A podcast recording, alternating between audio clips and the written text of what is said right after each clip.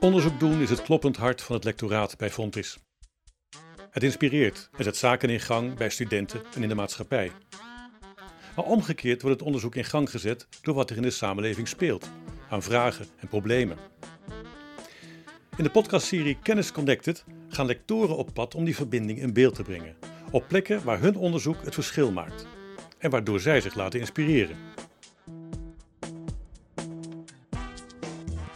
Wij zijn te gast in Tilburg in verzorgingshuis De Hazelaar. Dat is een van de 17 vestigingen, zag ik op de website, van zorginstelling De Wever in Tilburg.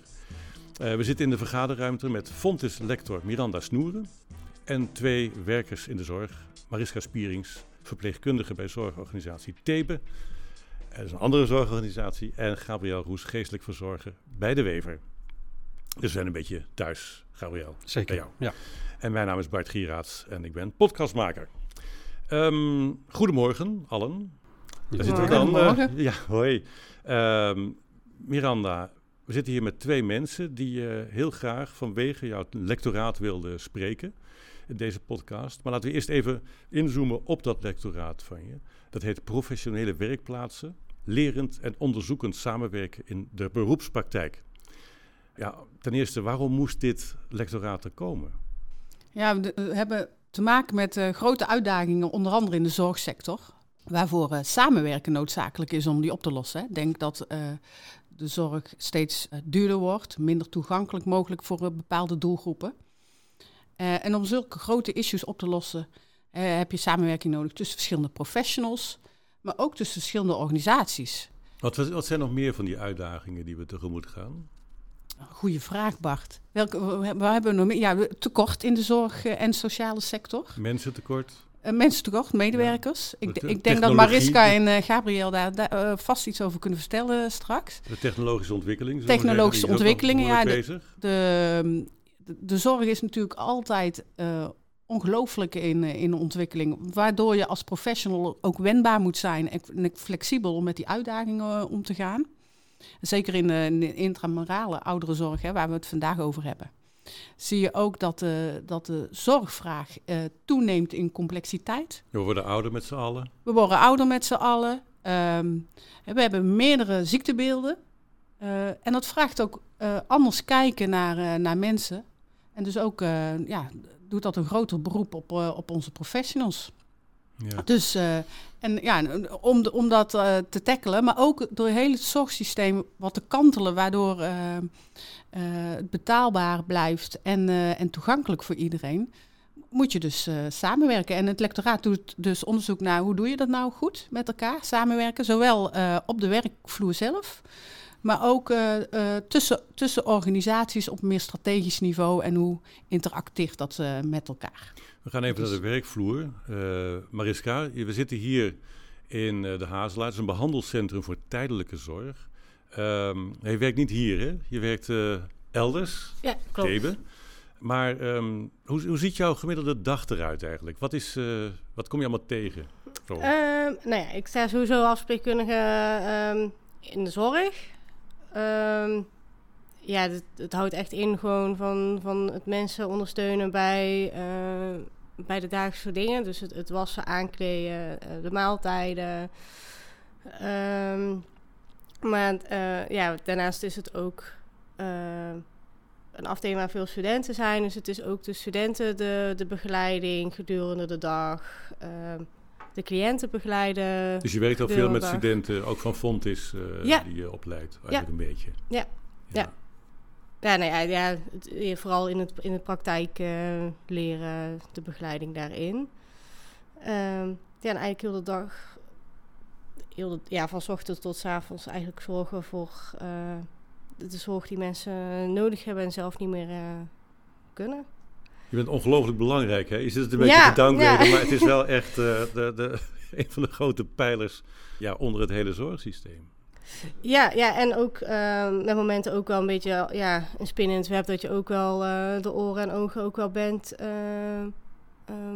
ja, voor, voor anderen, ook voor, voor de arts of eventueel een fysiotherapeut of een ergotherapeut, dat je daar ook wel bent en dat je dan ook wel staat voor, voor de cliënt en, en de keuzes die, die nodig zijn. Ja, dat je overlegt van let even op, want deze cliënt of deze patiënt is niet echt helemaal. Ja, Kijk ja of, of, ik, of ik wil daar iets voor hebben of iets geregeld voor hebben en dan, uh, dan sta je daar wel voor. Ja, en daar ben je echt wel uh, ja, oren en ogen voor. Ja. En Gabriel, iets minder tastbare taak heb jij als geestelijk verzorger hier? Ja, letterlijk uh, klopt dat. Ja, ja, maar hoe ziet jouw dag eruit? Kun je het een beetje vertellen? Ja, wat ik uh, voornamelijk doe op Damast uh, is dat dan waar, waar wij werken rondom dit project. Dat is ook een afdeling met heel veel studenten. Ehm, dus, ook, ook, van Fontis? Ook van Fontis, ja. ja.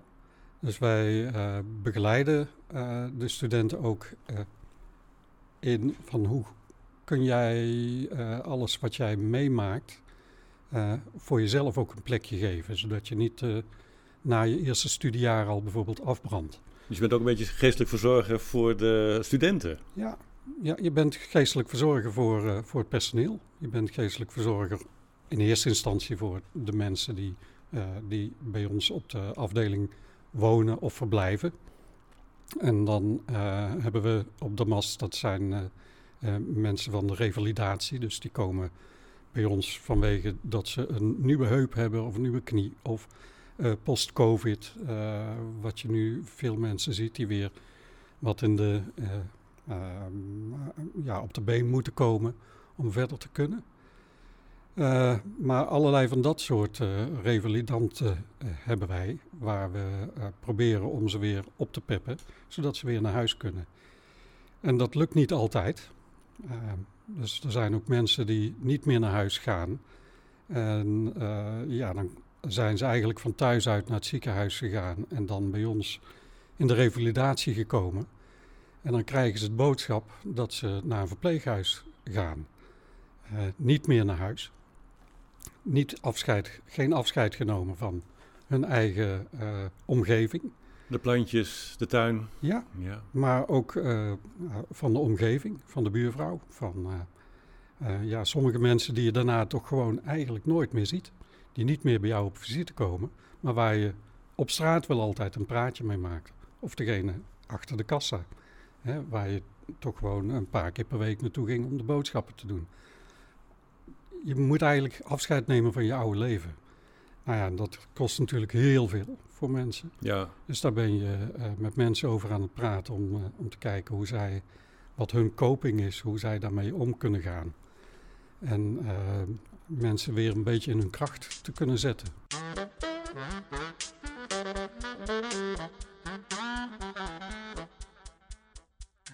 Miranda, met deze twee mensen zitten we aan tafel. Jij wilde heel graag met hen praten. Ja, zeker. Um, Waarom wil je het graag? Nou, we, we, we doen samen een project, een Zon en Weeg gefinancierd project. Het heet Autonomie en Samenspraak. En um, um, nou, het bijzondere aan dat project is uh, dat we daarin samen onderzoek doen. En Gabriel die vertelde al iets over als je als cliënt opgenomen wordt in een uh, ouderenzorgorganisatie. Dat betekent al heel veel voor mensen. En we weten dat vaak de autonomie of de eigen regie van cliënten overgenomen wordt bijna vanzelf, als vanzelfsprekend, doordat je in een andere omgeving komt te wonen waar allerlei professionals aan het, aan het werk zijn. En dit project Autonomie en Samenspraak heeft als doel om de autonomie van cliënten te versterken en te vergroten. En dat doen we dus in drie grote zorgorganisaties. Uh, de Stebe, De Wever en uh, Vitalis op zorginnovatiecentra in eerste instantie. Dat uh, zijn, zijn, vormen van professionele werkplaatsen hè, waar heel veel studenten samenwerken en waarin we ja, de zorg willen verbeteren en innoveren. Nou, Mariska werkte op zo'n zorginnovatiecentrum. En Gabriel is daar vanuit zijn discipline ook heel actief bij betrokken. Dus eigenlijk is het doel om, om die zorg te verbeteren door cliënten uh, te ondersteunen in hun autonomie. Maar wat we ook doen in dat project is uh, het interprofessioneel samenwerken en leren daar tegelijk in versterken. Omdat we de overtuiging hebben, je moet als disciplines met elkaar daarin samenwerken, wil je dat kunnen doen. En uh, autonomie samenspraak is een, een, een actieonderzoek dus hij, uh, waar de professionals en studenten zelf actief in zijn om dat onderzoek uh, op te zetten. En zij gaan uh, nou, door op de afdelingen eh, gegevens te zamelen over eh, hoe zit het eigenlijk met die autonomie en wat vinden cliënten daar nou van. Daar ontwikkelen we leermethodieken voor. Er zijn er drie: spiegelgesprekken, schaduwen en gebruik maken van verhalen. En die, die hebben we in dat project ontwikkeld en die proberen we dus uit op die zorginnovatiecentra. Ehm, en zo proberen we interprofessioneel leren te versterken en daardoor dus de autonomie van cliënten. Dus het is eigenlijk al klaar. Hè? Je hebt al, uh, want hoe ziet het onderzoek eruit bijvoorbeeld, Mariska? In, jouw, uh, in jouw geval. Hoe vang je dingen op? Moet jij ook die spiegelgesprekken uh, voeren bijvoorbeeld? Ja, we zijn ehm, eerst gestart met het uitvoeren van spiegelgesprekken. Wat is dat precies? Ehm, dan zitten een aantal cliënten staan dan centraal Um, er wordt dan uh, door een gespreksleider wordt, uh, een vraag gesteld. En eigenlijk gaan dan de cliënten gaan dan daar uh, met elkaar over in gesprek. Um, alleen de professionals die zitten er uh, in een kring omheen. Alleen die zitten met de rug naar de cliënt toe. Um, en die luisteren alleen. Hebben verder geen inspraak, die luisteren gewoon. En het is aan de cliënt ook gewoon vrij om te vertellen wat ze willen. En het gaat over die autonomie die je een beetje kwijtraakt. Of, ja, ja, daar hebben we inderdaad uh, een, een, vraag op gesteld. Uh, en daar zijn inderdaad de cliënten over in gesprek gegaan. En uh, ja, de rest is af en toe hoorde er omheen gaan zitten. En aansluitend mag je dan nog wel een, een vraag stellen ter verduidelijking, maar niet direct dat je ook in gesprek gaat met de cliënt. Want het is gewoon, het is hun verhaal. Je vraagt ze eigenlijk alleen maar. En dan uh, de rest, uh, die noteert dat en die houdt het bij van wat er allemaal uitkomt. En, uh, ja, en uiteindelijk hebben we daar een verdere uitwerking van gedaan. En ja, komen daar ook weer verbeteringen op uit. Uh, ja, dat is dan weer ja. de, de, volgende stap. Ja. Gabriel, zit je daar ook bij, met dat soort gesprekken? Ja, het lijkt alsof we bij een uh, snelweg zitten, maar het is uh, de airco die behoorlijk boven jouw microfoon... Maar ja, het is onontkoombaar ja, hier, geloof ik, in deze ruimte. Dat klopt, klinkt. maar dat, dat moet natuurlijk ook wel weer vanwege de, de COVID-maatregelen. Dus vandaar dat het ook zo hard klinkt. ja. Maar die, die ehm, gesprekken, die, uh, dat, is ook, dat is eigenlijk een beetje ook de taak van de uh, geestelijke verzorging, hè? Dit, soort, uh, dit soort gesprekken. Van, nou, nee. Waar je het net over had namelijk, als iemand ja, dat, niet meer naar huis kan. Dat en klopt. Ja. Dat raakt daar wel aan. Nou ja, met de spiegelgesprekken, uh, daarin mogen mensen gewoon uh, naar voren brengen wat ze eigenlijk zelf naar voren zouden willen brengen. En uh, wij als geestelijk verzorgers zitten daar dan eigenlijk gewoon samen met het personeel met de rug naartoe om uh, ook te luisteren. Oh, je zit met de rug naartoe? Jazeker, ja. Ja, ja. Gewoon om, om te luisteren naar wat mensen uh, en te vertellen ook, hebben. Ook met de rug? Ja. Oké. En Miranda, wie, wie, wie zit er dan wel, wel oog in oog te, uh, te praten met de mensen? Dat, dat is, was bij ons in ieder geval de kwaliteitsmedewerker die dat deed. Dus dat, die leidde het gesprek. Oh, kijk, ja. En die leidde het gesprek met de cliënten. En nou ja, ja het is de derde keer dat ik COVID noem. Maar bij ons was het dan zo zelfs dat uh, op dit moment de mensen niet in één ruimte mochten. Wel de cliënten, maar wij uh, moesten in een andere ruimte aanwezig zijn om dan alles te kunnen beluisteren ja, wat, wat de, mensen zeiden. Dat is praktisch uh, of vanwege de situatie, praktisch. maar normaal is dus dat je in dezelfde ruimte... zit je wel in dezelfde ruimte. Een soort ja. maar je voice of Holland-achtige Maar je mag niks zeggen. Ja. Dus je bent echt gewoon luisteraar. Ja. Ja. En um, komen er dan dingen naar voren waarvan je denkt... Wat? Want kijk, ik kan mezelf, ik kan heel veel verzinnen waar mensen mee zitten als ze hun autonomie kwijtraken. Uh, dat ze niet meer hè, hun eigen weg kunnen gaan, dat ze verzorgd worden. Zijn er dan dingen, uh, bijvoorbeeld Mariska, die, die, die, daar had ik nog nooit aan gedacht. Dat iemand daarmee zat. Um, niet direct dat je zaken hoort die je die je niet kent. Alleen uh, wel een stuk uh, besef en, en, bewustwording van dat het ook in de kleine dingen zit. Dat uh, er heel veel zaken ja, als een soort van zelfsprekendheid gebeuren. terwijl dat eigenlijk helemaal niet zo is. Zoals? Ehm, nou ja, ze werken dan bij ons op de afdeling ook heel veel met therapielijsten. Wanneer mensen therapie hebben. Um, ja. Agenda eigenlijk, van dan tot dan, dan moet ja, je... gewoon in de week van, goh, je hebt uh, op woensdagmiddag heb je om uh, drie uur fysiotherapie. Uh, Alleen die wordt voor de cliënten gemaakt. En ja, daarbij gaven ze ook aan van goh, het zou fijn zijn als het in samenspraak gebeurt. Want uh, op woensdagmiddag om, om half drie, dan ga ik altijd bij mijn oude buurvrouw ga ik koffie drinken. Dus dan kan ik eigenlijk. Hè, maar dat, dat gebeurt dan niet. En dan krijg je dan ook wel terug. En dan denk ik, ja, eigenlijk heel Simpel, logisch. Ja. ja. Dus Ja. vooral, vooral dat het ja, een stukje besef en bewust van dat het ook gewoon echt in de kleine dingen zit. Ja. Had je dat ook, Ja. Gabriel? Bij Ja, ja, ja, en wat wij dus ook merkten, eh, eh, bijvoorbeeld bij eh één iemand die zei van, ja, ik word dan s'morgens om, om half negen of om negen uur heb ik dan al therapie. En eh, ja, thuis start ik dan net op. Dus ik ben eigenlijk nog maar amper wakker. En als je eh, wilt dat een therapie effectief is, dan moet je wel zorgen dat de persoon eh, zelf eh, ook effectiviteit kan leveren. Ja, en buiten dat, bedoel, eh, als je het zeg maar, buiten je bioritme zit, dat soort Dat, therapie, precies, dat is ja. gewoon ook niet fijn om, te, om mee maar te maken. dat was eigenlijk heel normaal dat, dat mensen, hè, wat, wat jij ook zegt, eh, Ja. eh, ja, alles wordt voor ze gemaakt. Eh, en mensen eh, zijn vanuit zichzelf niet zo dat ze daar commentaar op leveren. Dus die zijn eigenlijk, zeker deze generatie waar we het over hebben, want we hebben het over de ouderenzorg. Dat zijn nog de mensen die zeggen van, nou ja, dat hebben ze voor mij zo geregeld, dus dat gaan we netjes Ja. doen. En geïntimideerd door de, door de omgeving, door eh, de verandering van, eh, ja, Ja, alles. precies. Ja. En Miranda, wat doe je er dan mee? Want dat, ja, zit je er ook bij trouwens, met je rug naar de, de kandidaten?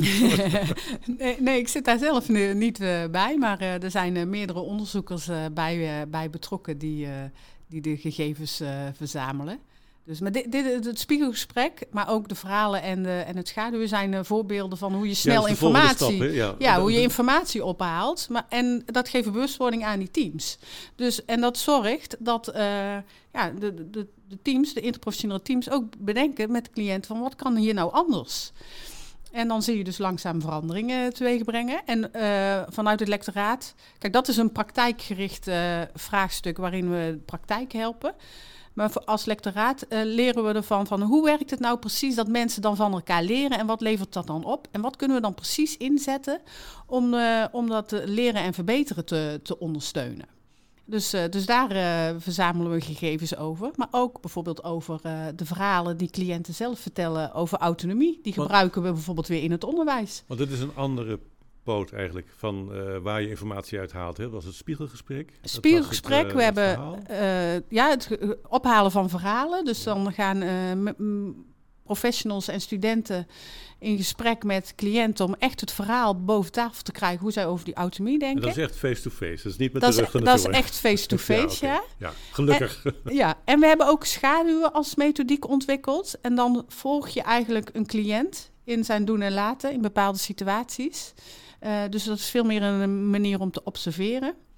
Nou, in de ouderenzorg wonen en verblijven natuurlijk eh, allerlei eh, mensen met verschillende ja, eh, eh, problematieken. Dus mensen die cognitieve eh, issues hebben, werkt dat schaduwen dan weer heel erg goed. Dan, zie, dan neem je veel meer waar wat, eh, wat, eh, wat, wat van cliënten hun gedrag. En die kunnen niet zo goed meer praten of dingen, of gedachten onder woorden brengen. Dus dan kijk je Ehm, gewoon, wat gebeurt er nou wel precies? Dat wil ik niet zo zeggen, maar ik denk dat het com completer beeld geeft door eh, mensen te observeren en vervolgens aan hen te vragen ehm, hoe zij over iets denken. Dus dan heb je niet alleen het gesproken woord, maar ook eh, het doen en laten wat je, wat je waarneemt. Doe je dat ook, eh, Mariska? Eh, het schaduwen hebben wij verder eh, niet gedaan. Eh, het verhaal ophalen wel. Dus van schaduwen, eh, gekoppeld hieraan, ehm, heb ik daar verder niet de, de, de ervaring in. Maar ja, wel vanuit het werkveld eh, eh, het onderdeel daarin. Een verhalen ophalen, het lijkt me zo... ehm, je werkt met mensen, dus je, je hoort al heel veel. En nu moet je echt gaan zitten, echt eh, een soort, ja... eh, geconditioneerde omgeving eigenlijk van nu gaan we het hier, nu wil ik jouw verhaal horen. Is dat niet... Eh, beetje nee, nee, nee, het valt eigenlijk heel erg mee. Het is echt een andere manier ehm, van communicatie. Normaal gesproken eh, ben je heel erg gewend om een vraag te stellen en, en door te vragen op hetgeen wat mensen zeggen. En ehm, eh, echt ja, daarin verder te gaan. Bij verhaal ophalen is ehm, dat je echt wel een vraag stelt. maar dan de ander echt het verhaal laat doen en verder eigenlijk niet doorvraagt en wel een paar keer ehm, ja, een bevestiging kan geven ehm, door te knikken of, of ja te zeggen. maar je vraagt dus verder niet door en je kunt soms wel de vraag ja, de vraag opnieuw stellen die je in het begin maar je hebt geen doorvraag. En uiteindelijk kan iemand dan toch echt uh, ja, een uur zijn verhaal doen. En is dat ook echt in hun omgeving? Of is het echt in een kantoortje waar jij zit? Of is het waar, waar, nee, het is wel, uh, wel waar de cliënt zich daarin verder prettig voelt. Ja. En Gabriel, doe je dat ook, dat soort gesprekken? Uh, wij hebben dit onderzoek niet, niet gedaan, dus wij hebben verhalen vertellen niet gedaan. Uh, bij ons is schaduwen weer het tweede onderzoek geweest. Dus dat is het verschil tussen oh, dus de organisaties. Oh, dat is Ja, ja nee, dat wil zeggen, ik heb zelf niet geschaduwd, maar de studenten hebben geschaduwd. Ja, ja. Alleen wij hebben dus op de mast het schaduwen uh, gedaan. Waarbij dat uh, daarna dan ook uitgewerkt is. En daar zijn dan ook dingen uit voortgekomen. Waarbij ze zeggen van, uh, dit zou je bij autonomie in samenspraak mee moeten nemen in het vervolg. Ja, wat komt er dan uit bijvoorbeeld? Nou ja, een van de dingen die, die er echt wel uitkwam, onder andere als uh, iemand daar bijvoorbeeld op een kamer zit uh, als een lampenkapje in de hoek, hè? want zo moet je dat eigenlijk ook zien. Uh, hoe vaak dat mensen binnenlopen, hoe vaak, dat, uh, hoe vaak mensen van de afdeling een kamer opkomen, hoe weinig mensen hun eigen privacy hebben. Dat zijn dingen waar je je dan als afdeling bewust van wordt. Van, hey, wij kloppen, maar we hebben eigenlijk ook al meteen die hand op de klink. Je wacht niet het antwoord af. En we gaan naar binnen. Dat soort uh, dingen. Dat, dat zie je dus bij schaduwen, hoe dat gebeurt en hoe mensen daarop kunnen reageren ook. Hè? Dus dat, dat bijvoorbeeld al. Wat, uh, wat ik terugkrijg vanuit uh, mijn collega's die natuurlijk gevraagd heb vanwege dat ik hier zou zijn. Uh, die zeggen van nou ja, mensen hebben ook zoiets bij het schaduwen uh, dat uh, we nu aan het kijken zijn dat mensen ook huiswerkopdrachten kunnen gaan doen. Mensen hadden zoiets van als ik hier een hele week zit en ik krijg die agenda waarin staat van ik heb op maandag, woensdag en vrijdag drie keer een half uur ergo of drie keer een half uur uh, fysio. En voor de rest doe ik eigenlijk helemaal niks. Ben ik dan wel aan het revalideren. Dus uh, mensen uh, zelf, dan hebben we het over de cliënten, die werden ook bewust gemaakt dat revalideren meer is dan dat half uurtje bij de fysio. Het is ook dat jij s morgens jezelf aankleedt en wast. Het is ook dat jij naar het restaurant gaat achter de rollator, dat je dan ook aan het lopen bent. Ook dat is een stukje uh, revalidatie die je aan het doen bent, waar je je niet van bewust bent. Mensen hebben dan veel meer het idee van, ja, ze laten maar mijn lot over, want ik moet maar daar maar zien te komen. En nu hebben wij dus als, als uh, afdeling ook wel duidelijk het beleid dat we mensen duidelijk maken van, nee, maar je bent eigenlijk gewoon uh, behalve als je slaapt, ben je constant bezig met revalideren. Dus dat zijn dingen die, ja, die werken dan uh, tweezijdig. Het is allemaal zo vanzelfsprekend, hè? maar nou, dat, wat, je dan, wat doe je dan met je lectoraat? Ja, het is, nou, dat, dat is natuurlijk het effect dat je, als je van zulke methodieken inzet, dat je eigenlijk studenten en professionals dwingt om even stil te staan. En dat geeft nieuwe inzichten. En uh, we onderzoeken dan van hoe werkt dat dan precies en hoe draagt dat dan bij aan verbetering van, uh, van, de, van de zorg. Um, en dan zien we dus dat dat begint bij eh, naar je, eerst naar jezelf kijken, een bewustwording.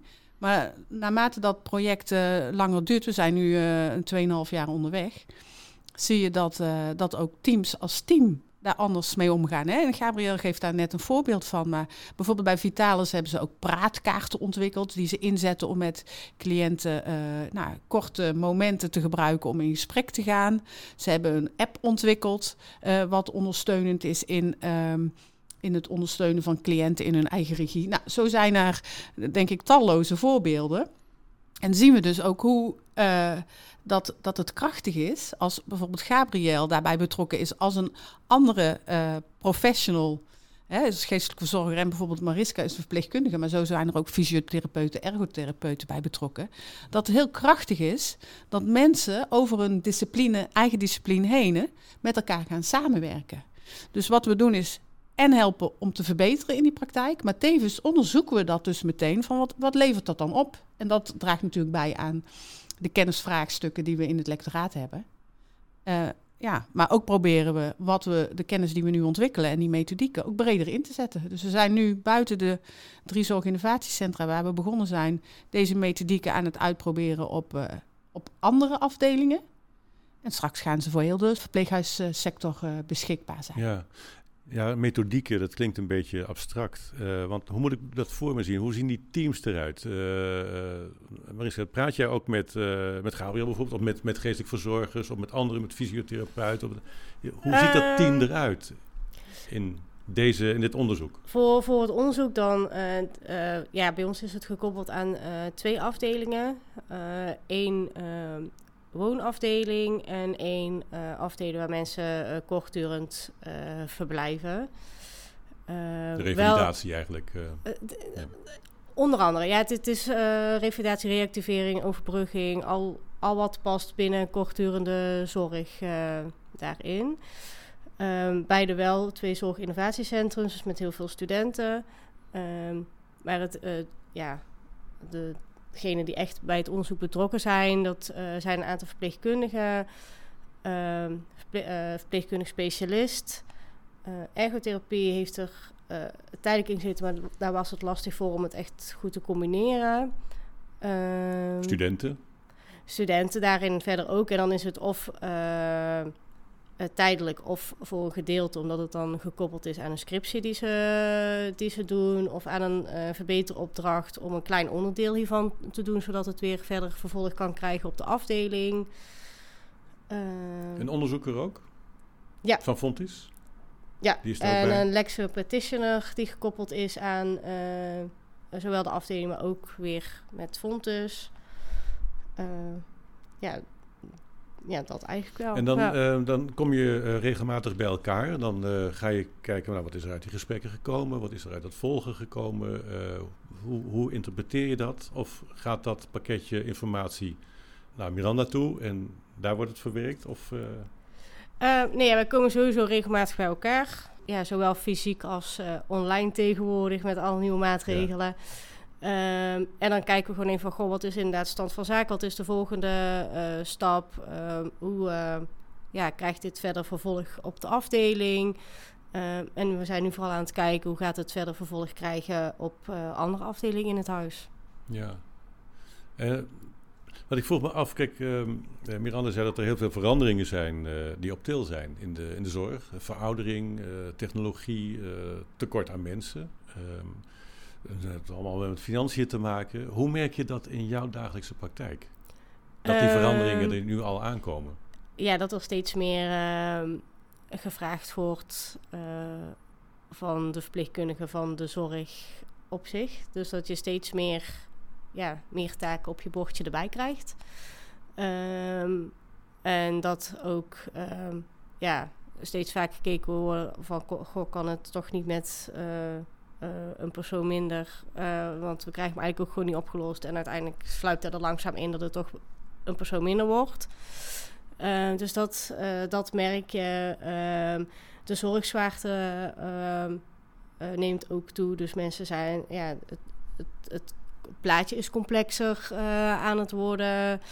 Um, niet zozeer lichamelijk, maar ook het stuk sociale aspect daarin. En technische ontwikkelingen die de, de werkvloer opkomen, heb je daar ook mee te maken waar je dan opeens wat mee moet? Ja, maar ja, ik denk dat dat op zich nog wel bij ons nog wel meer kan. Uh, maar het meest, ja, ik denk dat het ook wel mede te maken heeft omdat wij nog in een vrij oud gebouw zitten. Uh, dus ik denk in de, tegen de tijd dat we inderdaad naar een nieuw, dat het nog meer is. Maar we werken inderdaad wel uh, met wel steeds meer technologie. Ja. Uh, ja, Geen houten rolstoelen meer en, uh, en houten krukken. Nee, dat, nee, nee, nee, dat, uh, dat niet. Ja, nee, nee. En Gabriel, hoe ziet jouw team eruit? Hoe, hoe, hoe zit jij in dit onderzoek eigenlijk? In dat vers dit verschillende ja. rollenspel? Ja, nou ja, wat je, dat is goed dat je dat op, op die manier ook benoemt, ja. Een rollenspel. Ehm, want ik ben als geestelijk verzorger, uh, zit ik in deze groep als, uh, heb ik de rol van uh, cliënt. Dus ik leef mij in als cliënt zijnde. en dat komt ook omdat ik juist zoveel met cliënten praat en dat cliënten vaak tegen mij dingen durven zeggen die ze niet altijd naar de verzorging of verpleging durven te zeggen. Want wie zitten daar in dat, in dat clubje mensen die in daar dit zitten, verband spreekt? Uh, daar zitten uh, ver, verpleging, verpleegkundigen en verzorgenden en ook een LP'er. een? Een lectioner practitioner. Leuk woord, vooral Nederlands. Ik snap nu waarom er een afkorting is. het, is het is eigenlijk een, een, een professional die zowel in de zorgorganisatie werkt als binnen, binnen Fontes. Dus, uh, en die heeft, een die heeft een brugfunctie, ja. Dus die ja. is heel ondersteunend in het onderzoek uh, ja. doen. Ja. ja. En daarnaast uh, studenten. en dat wisselt dan wel. want het is eigenlijk ook wat mijn buurvrouw net ook al zei. ja, die doen dat vaak met een scriptie. Of voor een scriptie. Voor een afstuderen scriptie. Maar dan zijn ze daarna ook weer weg. Dan komen de volgende studenten weer. Dus maar die zitten daar ook in dat, die onderzoeksgroep. Maar die studenten en professionals zijn ook van verschillende disciplines, denk Zeker, ik, hè? Die, daar, die in, de, in de in onderzoeksgroep, zo noemen we hen ook, zitten. Ja. Wat voor disciplines zijn dat dan? Want uh, dus ook geestelijk verzorgenden uh, die een opleiding doen uh, daarvoor. Maar dat, ook dat zou gekund hebben, ja. Maar wel ergotherapie bijvoorbeeld, die hebben we wel gehad daarin. ja. Maar voornamelijk toch ook wel studenten vanuit verzorging, verpleging. Jouw werk bestaat uit het opsporen en herkennen van vruchtbare samenwerkingsverbanden. Dat zag ik op de website. Hoe doe je dat? Hoe zet je zo'n uh, netwerk op? Ik bedoel, ja, je komt van Fontis en uh, bel je dan aan bij de Wever en zeg je van... Uh, ik wil graag een netwerk van professionals opzetten.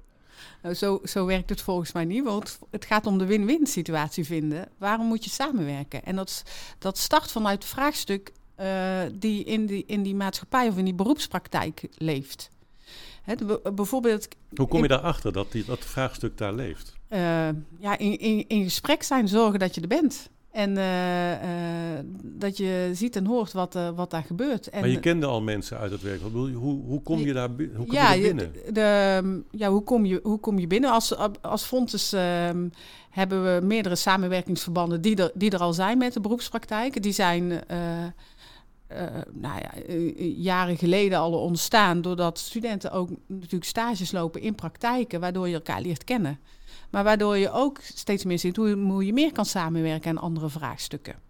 Hè, dat kan bijvoorbeeld zo'n vraagstuk zijn op het gebied van technologie. Zo hebben we bijvoorbeeld samengewerkt met de Wever om uh, gesloten zorgafdelingen uh, te openen, waar mensen met cognitieve problemen veel meer op maat technologie meekrijgen, zodat de deur open kan en zij op maat de vrijheid kunnen hebben die zij hebben. Dus in, in, in zo'n vraagstukken.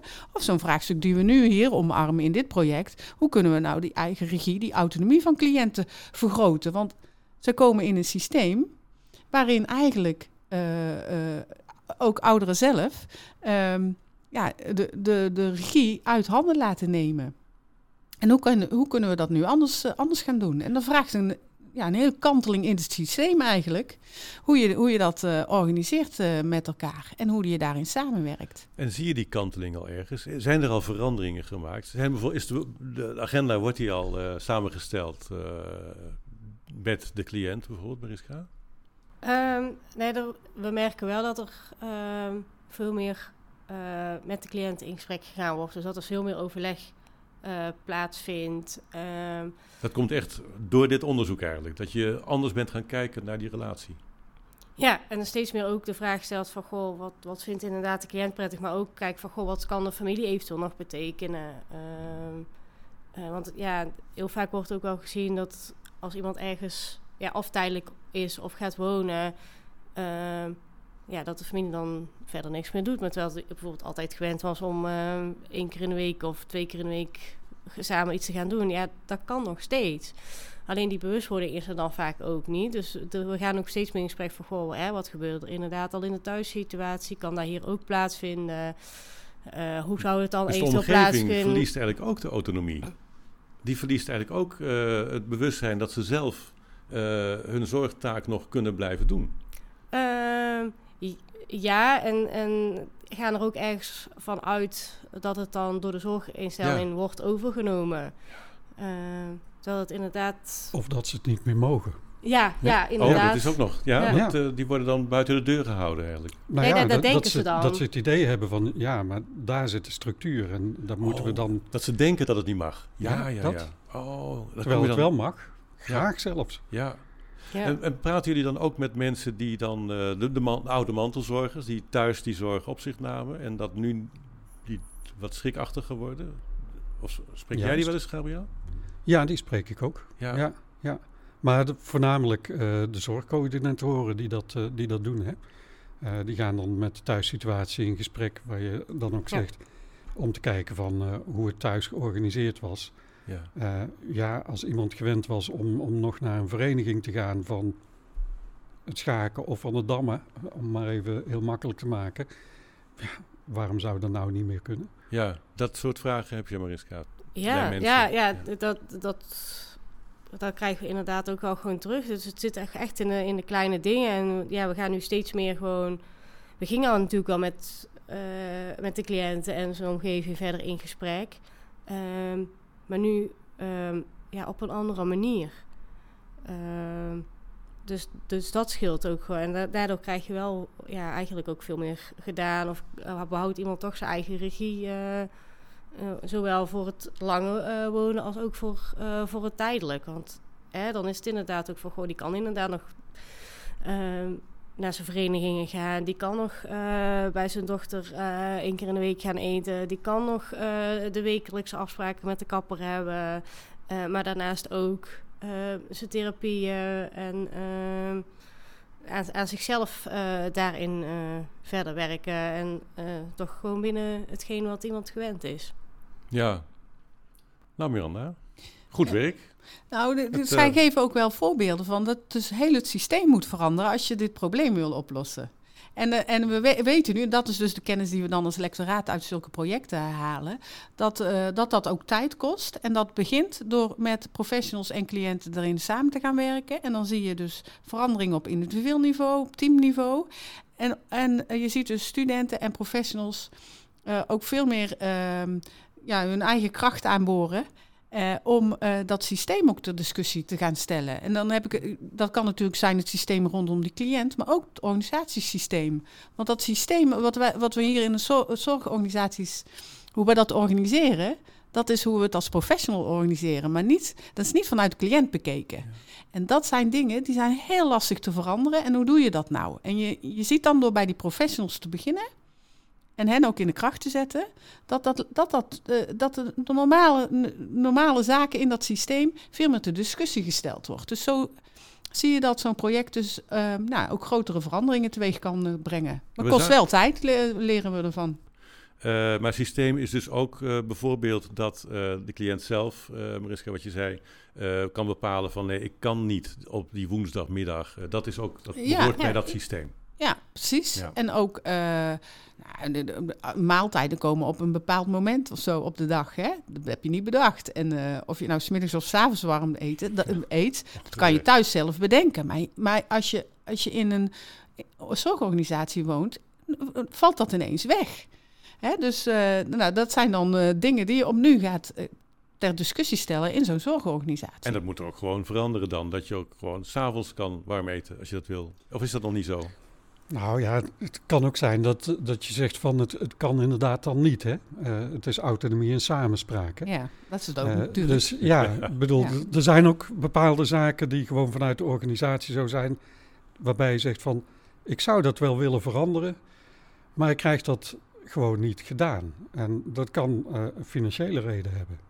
Dat kan natuurlijk. Op het moment dat bij ons de helft van de cliënten zegt van ik wil uh, s'avonds warm eten, betekent dat wel dat de kok ook s'avonds aanwezig ja, moet zijn. twee keer zo lang werken, ja.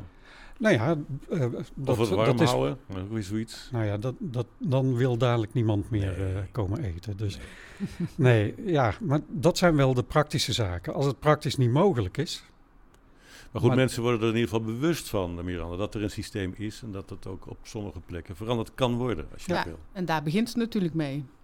En je bent er vooral ja, meer met elkaar over in gesprek. Ja. soms kan het inderdaad niet, maar dan is het, ja, het, het, beste kiezen van, van twee slechte, zeg maar. En dan is het wel gewoon van, oké, die keuze hebben we gewoon samen gemaakt. En ja, het, het kan niet anders. Maar ja, dan is het meer omdat het ook, dat je het niet in de hand hebt, omdat het financieel is of, of andere reden heeft. Maar dan goed, je bent er wel over in gesprek gegaan met elkaar. En dat is natuurlijk al heel wat waard. En je kunt dan ook aan elkaar uitleggen waar het dan in zit. En je kunt dan wel zeggen van, goh, hè, we hebben niet de mogelijkheid vanuit de organisatie om uh, te switchen van, van de middag naar de avond met warm eten. Maar uh, er zijn wel andere mogelijkheden waar we samen naar kunnen. En die stappen uh, is wel, terwijl het voorheen was, nee, punt. En nu ga je er wel over in gesprek met elkaar en ga je kijken naar wat eventueel andere mogelijkheden zouden kunnen zijn. Ja, het is een manier in ieder geval om samen met Fontes te kijken en een moment te bepalen van uh, laten we het erover hebben. Want normaal word je natuurlijk opgevreten door de dagelijkse praktijk van, van uur naar uur. Het is allemaal vol. En nu dat je even gedwongen wordt van hé, hey, laten we eens eventjes luisteren naar uh, mensen die, die daar last van hebben. Ja, en dat kan natuurlijk heel veel voordelen opleveren, ook voor de organisatie hè, langzamerhand. Hè. Uh, Miranda zei net ook al over het project Leven in Vrijheid, als het ware, hè, waarbij mensen niet meer op een gesloten afdeling hoeven te zijn. mensen kunnen dan wat vrijer rondlopen door een, door een gebouw heen. En als ze ergens niet, echt niet doorheen kunnen, ze moeten niet naar buiten gaan om daar dwalend gedrag te hebben. Dat je ze weer ergens moet gaan zoeken. Dat je een keycord hebt dat in ieder geval uh, tot bepaalde deuren ja, open gaat. En dat, een bepaalde deur blijft gewoon voor jou gesloten. Maar ja. andere deuren worden wel gewoon ge geopend. Want waarom niet? Als ik naar een lift ga en ik druk op dat knopje, dan hoor ik daar toch eigenlijk gewoon... Uh, die liftdeur hoort op een gegeven moment open te gaan. En ik mag daar naar beneden of naar boven. Ja, en soms mag maar, je niet. Maar soms niet. Nee. Nee. nee. nee. Voor mij is autonomie in samenspraak een, een, goed voorbeeld van hoe je praktijken kan verbeteren. Maar als lectoraat daar kennis dus uit kan eh, genereren. Zodat je ook andere uh, zorgorganisaties en afdelingen kan helpen. Het is deze leermethodieken die we ontwikkelen, die uh, stellen we beschikbaar. Maar we onderzoeken ook wanneer en hoe zet je die nou in om ze effect te laten hebben. Dus, uh, dus we ja, hopen ook impact te hebben in, in andere organisaties met zo'n project. Hartstikke mooi. Goed, dank Mariska Spierings, Gabriel Roes en Miranda Snoeren. Succes met jullie samenwerking en met jouw lectoraat. Dankjewel. Dankjewel. Ja, dankjewel. Merci.